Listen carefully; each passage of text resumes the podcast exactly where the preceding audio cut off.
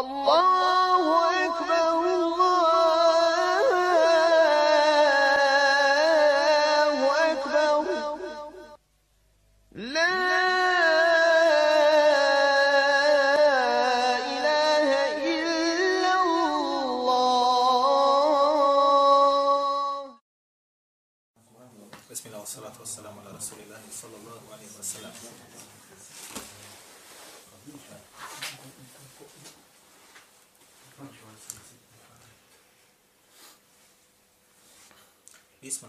prošlom druženju govorili o uzrocima, znači, koji insanu brišu grije i bivaju mu spasom prije nego uđe u džahnemsku vatru zbog određenih grija koji čini. Jedna opaska samo na prošlom znači, našem druženju. Spomenuli smo na kraju tamo jedan hadith koji je Imam Buhari, a nismo ga pojasnili. A nisam jedan dio tog haditha prevao, a veoma je značajan, pa ćemo ga morat malo onaj, e, navesti pa, pa prokomentarisati, da se ispravno shvati. Riječ o hadisu, koji sjećate vi sigurno znači hadith Ebu Zerra kad je rekao Allah poslanik sallallahu alaihi wasallam ma min abdin kale la ilaha illa Allah thumma mata ala dhalik illa dehala jannah. kaže Allah poslanik sallallahu alaihi wasallam nema ni jednog roba koji bude rekao la ilaha illa Allah thumma mata ala dhalik a zatim umre na tome e ovaj dio ja nisam preveo ali brat jedan onaj. Pozorio na to pa smo dužni da to malo prevedemo i prokomentarišemo thumma mata ala zalik a zatim umre na tome a da neće ući u džennet odnosno kogod bude rekao la ilaha illa Allah, a zatim umre na tome, ovo ćemo sad komentarisati, ući će u džennet sigurno, ući u džennet sigurno. Fakul, kaže Ebu pa sam kaže rekao, zena wa sarak, Allahu poslaniće, pa makar kaže činio zinaluk i blud, i makar krao, fakal, wa in zana, wa sarak, selafe. Wa fir rabi' kaže, to je rekao tri puta, I četvrti puta je rekao, mi smo to ponadali, ala ragmi enfi abi zelim. Makar se to ne dopadalo i teško padalo, ili krivo bilo, ili teško bilo mu zeru.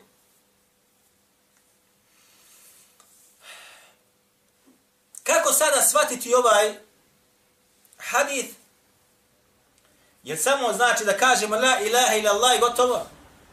Kada smo mi rekli da neophodno jeste sastavni dio imana, jeste su djela. Da djela moraju biti kod nisana prisutna, od namaza i ostalo. Ovaj sada hadis na, na vanjsko značenje, kako dolazi šta, da djela ne moraš da radiš. Kažeš la ilaha ila Allah i ćeš u džennet. Jop. Ali ovdje je bitna ova riječ. Thumme mata la velik. To kaže i umre na tome. Pa svi islamski učenjaci rekli da ovo znači, između ostaloga je pod jedan, da umre nakon što je izgovorio te riječi. Kako to? S odno hadisu koje bilježe mu Davudu, sume sunenu i hakimu stedraku i kaže šeha Albani za njega da je, da je sahih. Abdul Qadir al-Naud kaže za njega da je najmanja ruka šta? Hasan. Dobar. Je rekao Allah poslanik sa sallame men kale la ilaha ila Allah dehala dženne. Kogod mu da je rekao kaže la ilaha ila Allah ušao je kaže u dženne. Dehale, Glagol u prošlome vremenu. La. Men kana akhiru kelamihi la ilaha ila Allah dehala dženne čije zadnje riječi budu la ilaha ila Allah, ušao je u džennet. Ovako dolazi. Čije zadnje riječi budu na dunjaluku, ko zadnji, znači prije smrti izgovori la ilaha ila Allah, dehalel dženne. Nije rekao Allah poslanik, se jedhulul dženne. Ući će u budućnosti, daleko, malo dalje. Niti rekao, jedhulul dženne, ulazi u džennet. Nego kaže šta? Dehalel dženne. Ušao je u džennet. Garancija 100%. Sodno tome, znači, s tome mata na zalik, odnosno, a zatim umre na tome, na tome šahadetu koji je izgovorio, ulazi u džennet. I drugo tumačenje haditha jeste, Thumme mat ala zalik ili umre na tome, odnosno, bude radio ono što to la ilaha illa Allah iziskuje od njega. Fa'lam annahu la ilaha illa Allah, kaže Allah Đelešanu, Allahom poslaniku, sa sallam, znaj Muhammede da nema drugog božanstva osim Allaha. Znači moraš da ibadet njemu samo činiš, moraš samo njemu ibadet da činiš onako kako ti on naređuje i da se širka i kufra i ostali stvari kloniš. Thumme mat ala zalik. A zatim umri na tom odnosu na čistom je tavhid. Makar živio nakon toga dan, dva, pet godina, deset godina i tako dalje. Tako da ovo, onaj, mislim da je dovoljno po tom pitanju. A oni koji smatraju da je dosta da se kaže samo la ilaha illallah, to su murđije, to su ešarije, to su maturidije, između ostalog. Koji kažu, dijela nisu od imana, ne ulaze nikako u iman i dosta je samo reći la ilaha illallah. Opet su rekli, došla kasnija generacija, pa su rekli, dijela nisu uvjet ispravnosti imana, nego samo potpunosti imana. Opet ista stvar. Ha radio, ha ne radio, ti si vjernik, samo ti iman, iman nije potpun, ali su opet vjernik. Ne može. To su definicije koje su suprotne definiciji Selefa. To je. Idemo, inša Allahu ta'ala, na sljedeću tačku koju je šehol Islam Tejmi je tamo stavio prilikom govora o uzrocima koje insana čiste od grijeha prije nego što uđe u džehennemsku vatru.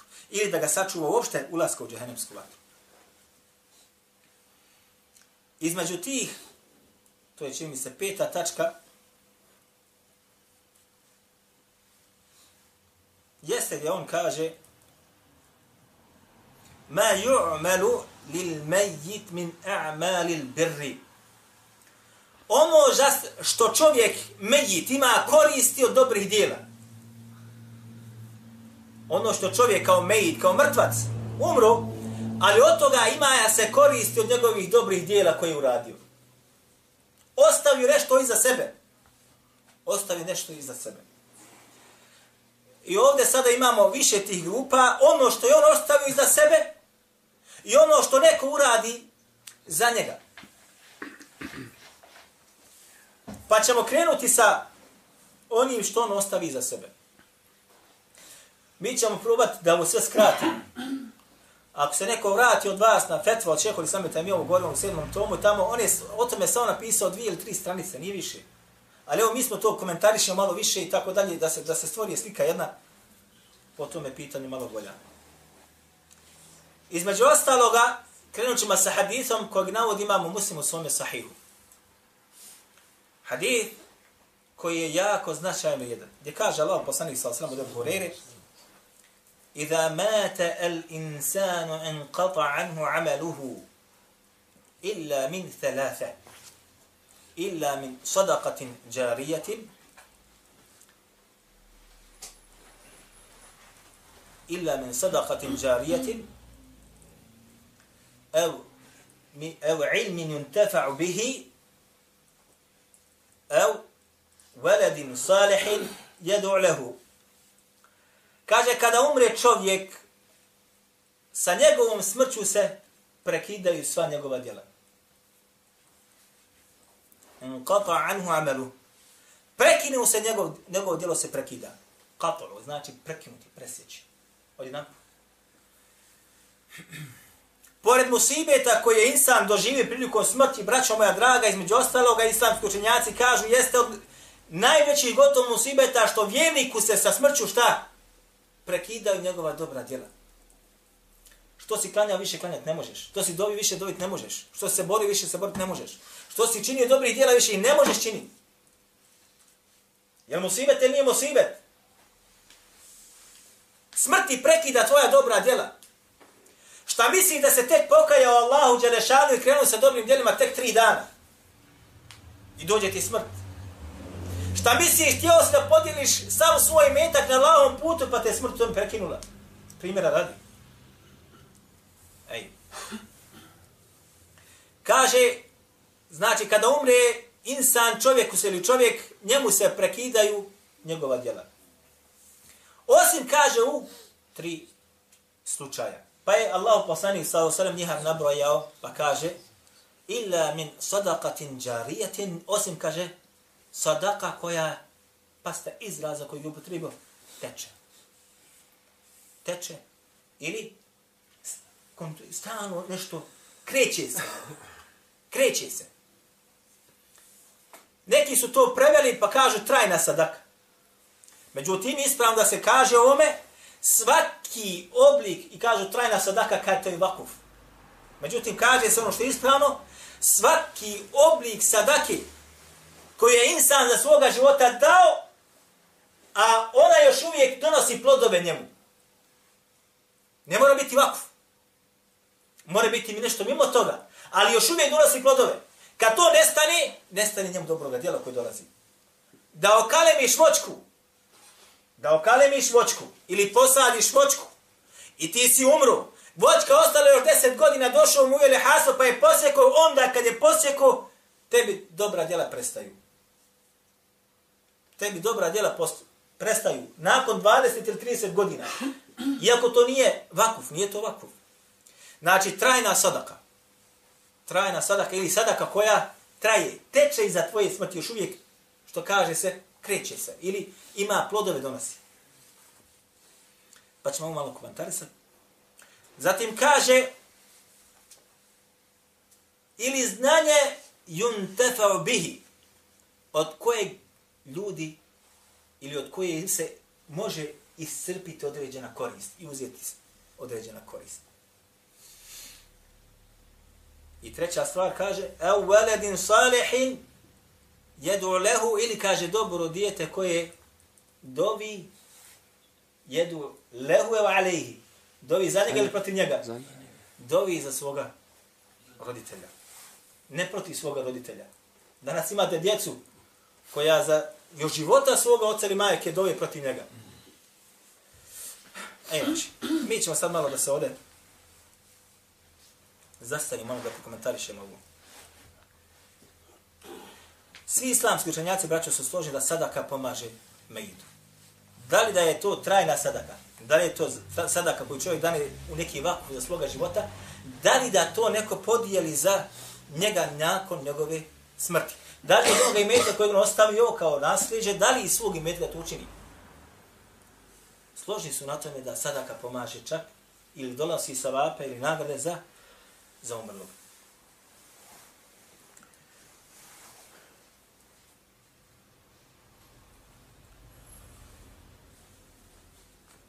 Braćo moja draga, mi smo, ako se sjećate, govorili o sadaki ili davanju, e, čini mi se nekoliko dersa da smo ostavili na tome. Dva ili tri dersa, kad smo govorili o dijeljenju na Allahom Đelešanom putu. Stoga ne bih o tome, ovaj, samo, samo mi spomenuo jedan hadith kojeg bilježi vam Bukhari u sunne sahihu, ovo je hadith Qudsi, gdje kaže, Allah poslani sa sveme rekao je, kaže Allah, jaš, kala Allahu azza wa jalla, anta kunfiqu alik. Rekao je, kaže Allah, jala šanuhu, troši, ja ću na tebe da trošim. Dijeli svoj metak, ja ću dijeliti na tebe, ja ću trošiti na tebe. Ovo je govor Allah subhanahu wa ta'ala. Kaže Allah poslanik, rekao je Allah Đelešanu, enfiq, troši. Ovo ne znači troši ne treba, troši na Allahom Đelešanu putu. Troši tamo gdje treba, pomaži. Unfeku alik, ja ću da trošim na tebe. Ne možeš potrošiti koliko Allah Đelešanu može tebi da, da i da potroši na tebe. Što god više trošiš, on će te više davati. Ja, braćo, znam za slučajeve ljudi koji troše na Allahom putu, a Allah im sve više i više daje. I znam, i, i, kad sam bio u arabskom svijetu, ljude koji su trošili od svoga imetka, što ne vrte zamisliti. A samo on radi. A Allah mu samo daje. Ne mereš ni zamisliti. A sjećate kad smo govorili da sadaka, kako došlo u hadis koji je Hasan doba, Kaže Allah poslani sa sveme, liječite svoje bolesne čime? Sadakom. Hajde dan čak, kad bi se složili da ovaj hadith njem je prigovoreno. Ali svi su islamski učenjaci složeni na tome i sam Ibn Qamir, Džemuz Ibn Tebe i ostali kada govore tamo, kaže, uvjerili smo se svojim očima da sadaka liječi bolesne. Teđroba takozvana je dokazala, što bi rekli mi, ispravnost ovoga haditha. Šta znači to? Praksa, praktični onaj, e, primjeri koji su bili, dokazali su ispravnost ovoga. I mi smo, čini mi se, kad smo govorili, da su ima spomenuli neke te primjere koje sam ja lično onaj, uspio da, da dokućim. Kaže, reci, zaista gospodar moj ili gospodar, jebe sopu rizqa, dijeli od svoje obskrbe kome hoće od svojih robova. Otvara koliko hoće, daje koliko hoće. Wa yaqdiru leh. A sa druge strane mu uskraćuje koliko hoće. Ili daje mu jedno vrijeme mu daje da ima ogromno. A zatim mu dadne da uskrati met. Ili jednom od Allahi robova daje ogromno, a drugome uskraćuje. Od svoje mudrosti. Nekada insan bude bogat, jedno vrijeme bude bogat u svome životu. Kad dođe, ne znam, starost, osiromaši. Ili bude siromašan jedan dio svoga života, kad dođe opet drugi period njegovog života, Allah Đelešanu ga obogati. Jebe su tu vojaqadiru. Daj, otvara kome hoće i uskraćuje također kome hoće. وَمَا أَنْفَقْتُ مِنْ شَيْءٍ فَهُوَ يُخْلِفُ I ništa, kaže, nećete potrošiti, a da on to neće šta ne domijeniti. Ništa. Jednu marku ako potrošiš, nećeš je potrošiti, a da ti Allah neće nadomjeriti. Vahuve, juhlefu. A on je, znači šta, nadomjeruje. Nemaš nikako, nema niko opravdanja, nema. Niko. Da kaže, ja ne mogu da dajem, ja nemam i tako, nemaš nikako. Sve ti Allah je Đelešanu dao mogućnosti i nije te ostavio, a da ti ono što budeš potrošio na njegovom putu, ti neće šta, da te neće vratiti sudome ajet imamo hadith gdje kaže Allah poslanik sudome u svome, uh, kaže imam Buhari na odvari ovaj rivajet,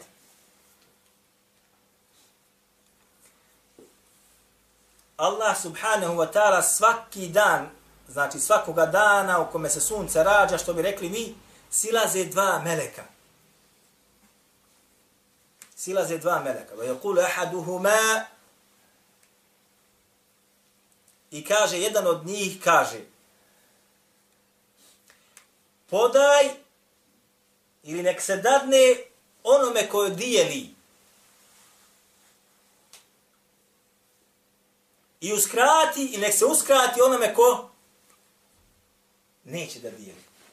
Kad bi se ovako prevelo. Svaki dan se znači ovi meleki spuštaju na, na zemlju. Svaki dan. I jedan od meleka govori da se dadne onome ko dijeli, da se nadomjesti onome ko dijeli, a onaj kome ne, ko neće da dijeli, a ima nam njegov imetak šta? Telefa, odnosno da propadne njegov imetak. Ovo se zove melek. Zove meleka.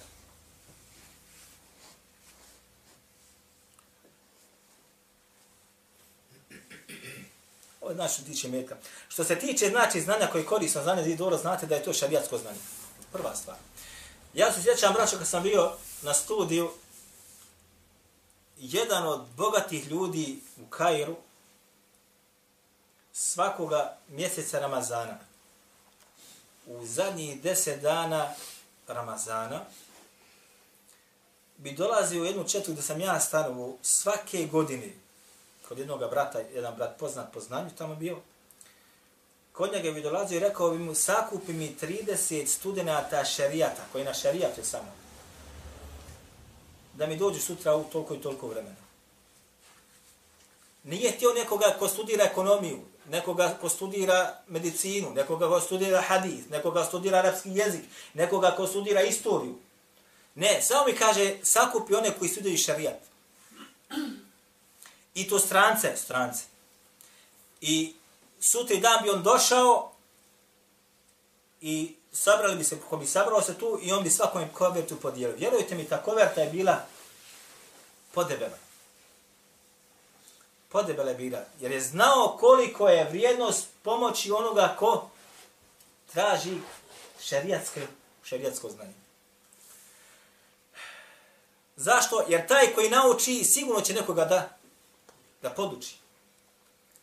E sad je ovdje ovo znanje, znanje koje čovjek ostavi za sebe, koji je, znači, koji će ljudi imati korist od njega. Ovo djelo ovdje kod nas, braćo, je El Kebair, koji je napisao Hafid Zahabi, devetom hijđarskom stoljeću umru. Deveto hijđarsko. Danas je 15. hijđarsko. Imam Bukhari je živio u kojem hijđarskom stoljeću? Kad je umro?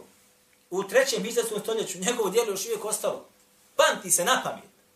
Pamti se šta? Na pamet se pamti. Stoljeća su prošla. Je li ima nagrade taj čovjek od toga? Ogromnu nagradu ima. Doćim drugi su napisali prije poslanika sallallahu alaihi wa sallam neka djela. Za njih se ne zna ni traga. Koji su pripadali indijskoj filozofiji ili grčkoj i tako dalje. Ne zna im se ni traga. I čak ono što je ostalo od njihovog znanja, jeste znanje koji u šarijatu, kad se važi u šarijatu, ima koristi, nema koristi, nikakve koristi nema. Ejna. I kako kaže Allah Želešanuhu,